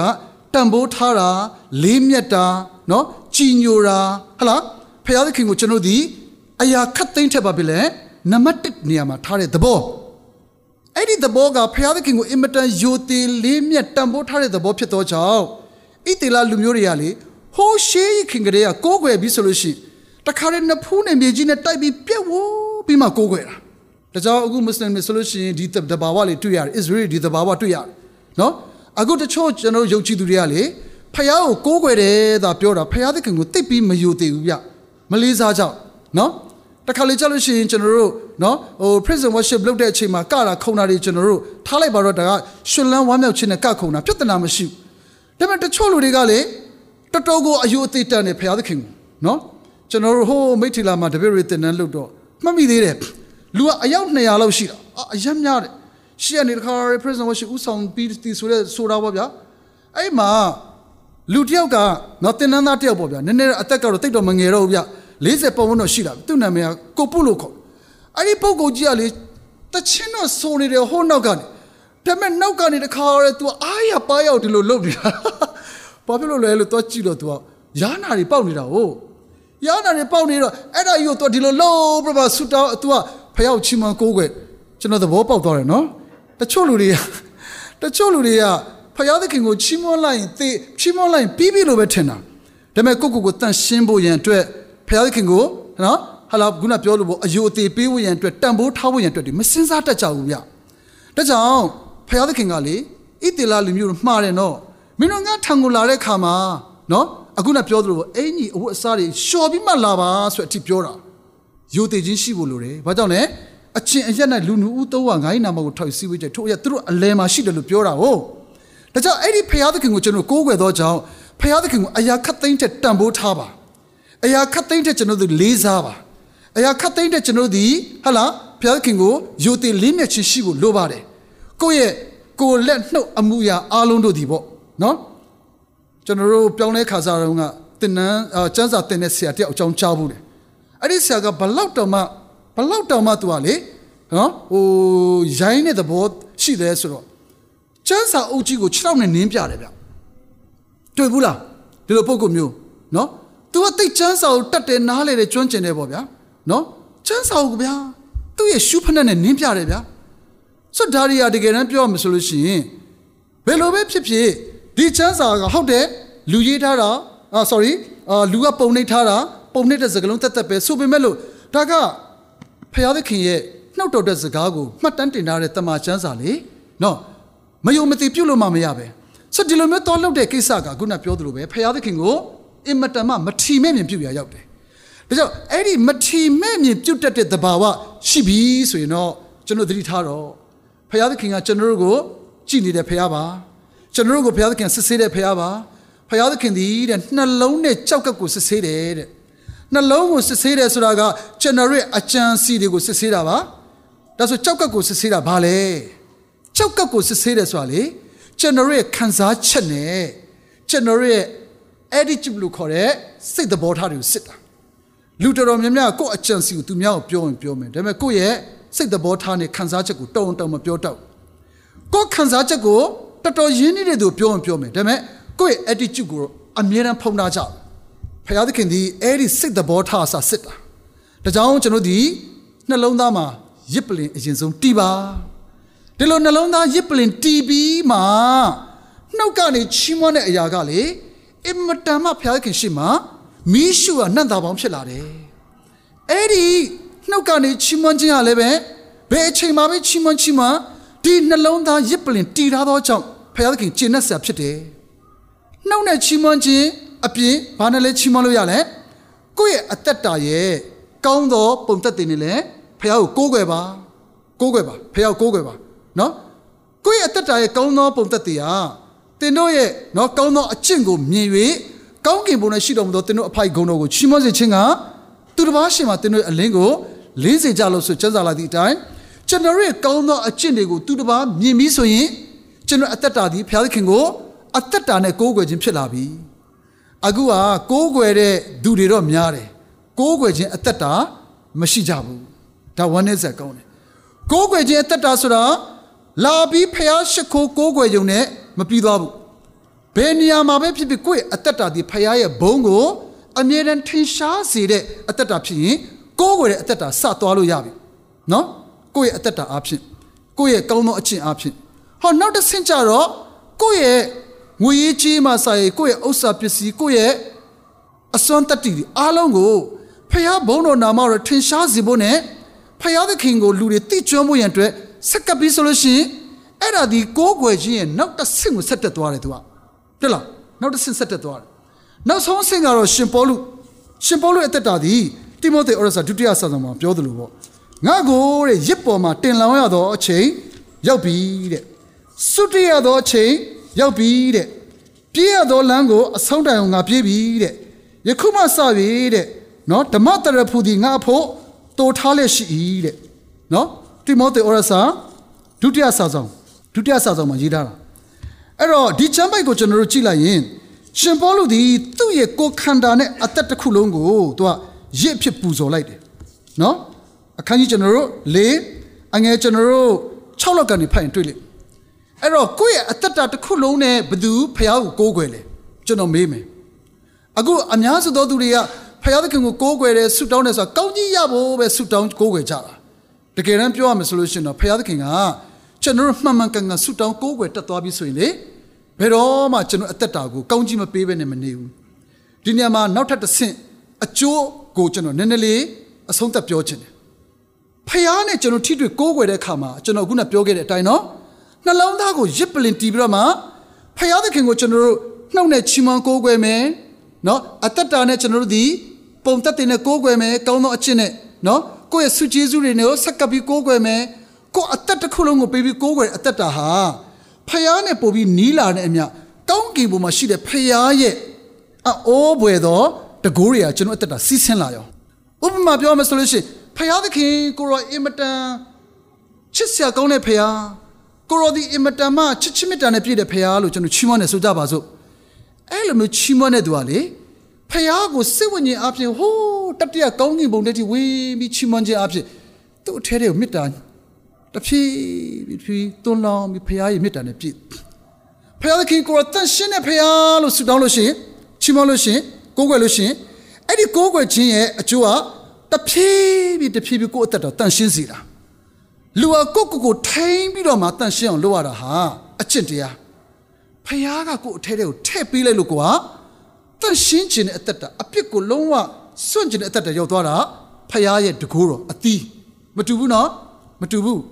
အဲ့တော့ခုနပြောသလိုပဲဖះသခင်ကိုရောအနာငြိမ့်စေတဲ့ဖះဆုတောင်းပြီးချီးမွမ်းတဲ့ခါမှာအဲ့ဒီဖះရဲ့အရာခတ်တဲ့တက်ဆွမ်းနေတဲ့အရာကိုချီးမွမ်းရင်းနဲ့ယုံကြည်ခြင်းဖြစ်လာပြီးတော့အနာငြိမ်းသွားတယ်။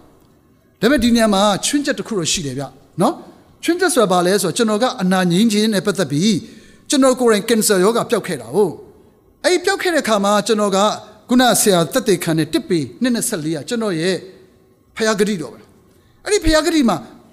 ခံတော်မူသောဒဏ်ချစ်များအားဖြင့်သင်တို့သည်အနာပြောက်လျက်ရှိကြပြီဆိုတဲ့အရာကဖះဘက်ကဂတိဗျဒီညမှာကျွန်တော်တတိထားစေခြင်းတဲ့အရာတစ်ခုရှိတယ် ဂတိတိုင်းဂတိတိုင်းဒီအမြဲတမ်းနှစ်ပိုင်းရှိပါတယ်တပိုင်းကဘာလဲဆိုရင်ဖះကကျွန်တော်ပေးမဲ့ဂတိတော်မပြတ်သို့တော့နောက်တစ်ပိုင်းကကိုယ့်ဘက်ကလောက်ရမယ်ကိုယ့်ဘက်ကလောက်ရမယ်တာဝန်အဲ့တော့အဲ့တာဝန်ကဘာလဲကျွန်တော်ကအပြစ်တရားနဲ့ဆိုင်တဲ့အရာမှာသိရမယ်ဖြောက်မှတ်ခြင်းနဲ့ဆိုင်တဲ့အရာမှာအသက်ရှင်ရမယ်အဲ့ဒါဆိုရင်မင်းအနာပျောက်ပြီကျွန်တော်ကိုကင်ဆာယောဂကြည့်ကုပေးတဲ့ဆရာမကြီးကလေဆက်ထရင်ဆိုတဲ့ဆေးလေးကိုတောက်မိပြီးတော့မှ တည်သွားတယ်ဗျအခုကျွန်တော်ကလေကြောင်းကင်ဆာ6လအတွင်းတည်မဲ့လေကြောင်းကင်ဆာကဖျားသခင်မဆာခြင်းကြောင့်အနာငြိမ်းသွားပြီ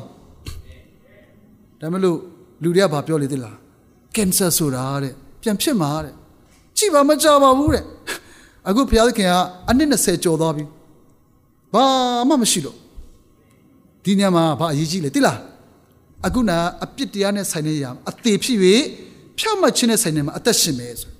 အခုဆရာကြီးကဆူတောင်းလို့အနာငြိမ်းသွားတယ်မှန်တယ်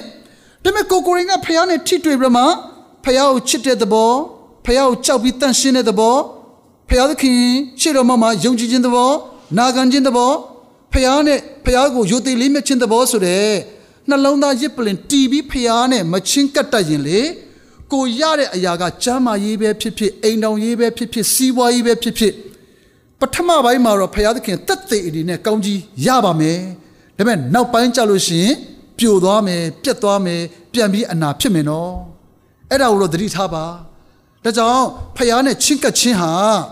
ကိုးကွယ်ခြင်းဟာတကယ်တော့ဖျားသခင်ကိုချီးမြှောက်ပြီးဖျားကိုဘုန်းပေးခြင်းဆိုပေမဲ့ကိုယ့်ရဲ့အသက်တာကိုလည်းဖះနဲ့ထိတွေ့ပြီးပြောင်းလဲစေတဲ့အင်မတန်ကြီးမားသောကောင်းကြီးဖြစ်တယ်။ကိုယ်ဒီဖះနဲ့တန်တူပြောင်းလဲလာတဲ့အမျှကိုယ့်ကိုဖះကလောကကောင်းကြီးနဲ့တက်တဲ့ထူမယ်။ လောကကောင်းကြီးနဲ့တက်တဲ့ထူခြင်းသာမကဟိုးကောင်းကင်ဘုံအထိဖះသခင်ကသခင်ယေရှုနဲ့အတူချမ်းသာကိုဝင်စားရသောအခွင့်ကိုကျွန်တော်တို့ပြင်ဆင်ထားတာပါ။ဒါကြောင့်အခြေခံအကျဆုံးသောကိုးကွယ်ခြင်းကိုဘယ်တော့မှမပြတ်ကွက်ပါစေနဲ့။ Praise and worship ဆိုတာကျွန်တော်ပြောပြီးပြီ။ကိုးကွယ်ခြင်းအစိတ်ပိုင်းသေးသေးလေးပဲနော်တည်တည်လေးပဲတချင်းဆိုပြီးတော့မှ music နဲ့ကိုးကွယ်တာအကန့်အသတ်ရှိတယ်အိမ်မှာအမြဲတမ်းဖះကို နှလုံးသားရစ်ပလင်တီးပြီးကိုးကွယ်လို့ရတယ်ကားနဲ့သွားရင်းနဲ့ဖះသခင်ကိုနှလုံးသားရစ်ပလင်တီးပြီးကိုးကွယ်လို့ရတယ်အာဗြဟံဒီရောက်တဲ့နေရာမှာရစ်ပလင်တီးပြီးဆုတောင်းနဲ့ကိုးကွယ်တယ်ကျွန်တော်လည်းရောက်တဲ့နေရာမှာရှိတဲ့အရက်မှာဖះကိုနှလုံးသားမှာရစ်ပလင်တီးပြီးကိုးကွယ်ပါဂီတာရှိစရာမလိုဘူးခီးဘုတ်ရှိစရာမလိုဘူးမြူးဇစ်ရှိစရာမလိုဘူးရှိရင်လည်းကောင်းတယ်မရှိလည်းပြဿနာမရှိဘူးအရင်တော့ကျွန်တော်တို့ပြောသလိုပေါ့ဆာလန်ဆရာရဲ့နော်ကျိုးဆယ်ပင်ရှိတယ်ပါဗျလေဟဟလားတူရိယာနဲ့နော် ကျိုးဆယ်ပင်ဆိုတာလက်ဆယ်ချောင်းမို့